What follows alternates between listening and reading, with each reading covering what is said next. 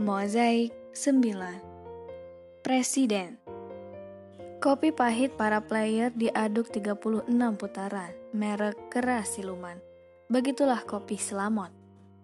Setelah hirupan pertama, senyumnya tersimpul-simpul dan seluruh elemen dirinya, polos, humoris, dan bersahabat, berpadu menjadi satu.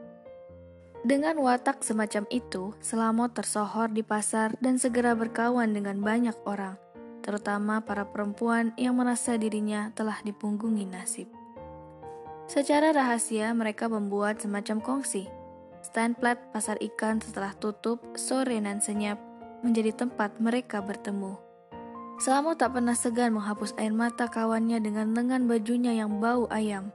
Dalam diri Selamot, mereka menemukan penghiburan, Meski sering mereka menangis sambil tersenyum, terisak sambil tersedak, mendengar nasihat selamat yang kerap hanya digerakkan oleh keinginan yang besar untuk meringankan beban orang lain, bukan oleh pertimbangan yang pintar. Lagi pula, wanita mana pun yang berada di dekat Selamot akan percaya diri, lantaran dari sisi sebelah mana pun mereka pasti merasa berpenampilan lebih baik darinya. Tak seorang pun akan merasa tersaingi oleh orang bitun yang buta huruf dan tidak cantik itu. Sore itu aku berjumpa dengan Mariamah dan Selamat di kios Gioknio. Miris kami mendengar Mariamah berkisah tentang nasibnya. Benar pendapat orang-orang tua Melayu bahwa di dunia ini tak ada masalah sepelik soal rumah tangga. Kasihan dia, sungguh berat cobaan hidupnya. Nada bicaranya jelas mengesankan bahwa Matarom dan Catur telah menjadi biang keladi kesusahannya. Namun, ia memang perempuan yang istimewa.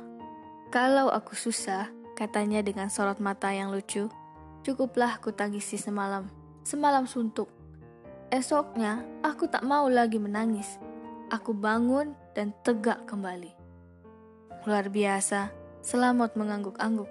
Obrolan kami sesekali terhenti karena kerasnya tawa orang-orang yang tengah bermain catur di warung kopi di sebelah kios Giok Nio. Mariamah memandangi orang-orang itu, lalu muncullah ide yang ajaib itu. Boy, katamu kau punya kawan yang lihai main catur.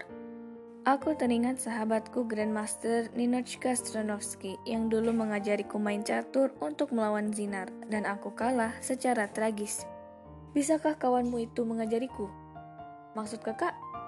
Aku mau belajar main catur. Aku mau bertanding 17 Agustus nanti. Aku mau menantang Mataram. Kami terperangah. Ya, aku mau melawan mereka. Katanya lagi sambil menunjuk pria-pria yang terbahak-bahak mengelilingi papan catur itu. Ia mengucapkannya dengan ringan, seolah mengatakan ingin memompa ban sepedanya yang kempes, sementara kami macam disambar petir. Haiya, rumah tangga gulung tika bikin ni gila ya, Ma. Ni pikir main catur macam main hal, Ma. Berbunyi giok nio. Aku akan belajar. Pasti bisa. Mustahil. Catur itu mainan otak, mainan orang pintar, orang kantoran. Lagi pula, mana pernah perempuan main catur di kampung ini? Pasti bisa menambang timah saja dia bisa. Salamot membela Mariamah. Mot, mana bisa kesamakan main catur dengan menambang timah? Satu pakai akal, satunya lagi pakai tenaga lembu.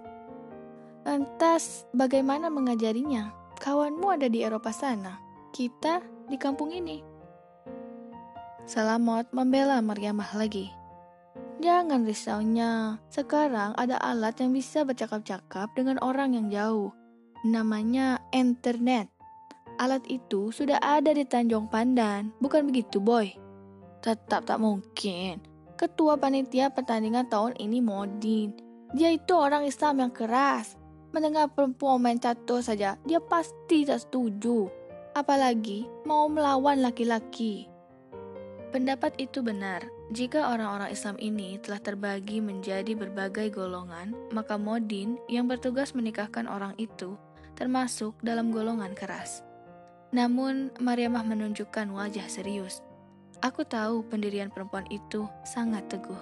Ia takkan mundur begitu saja.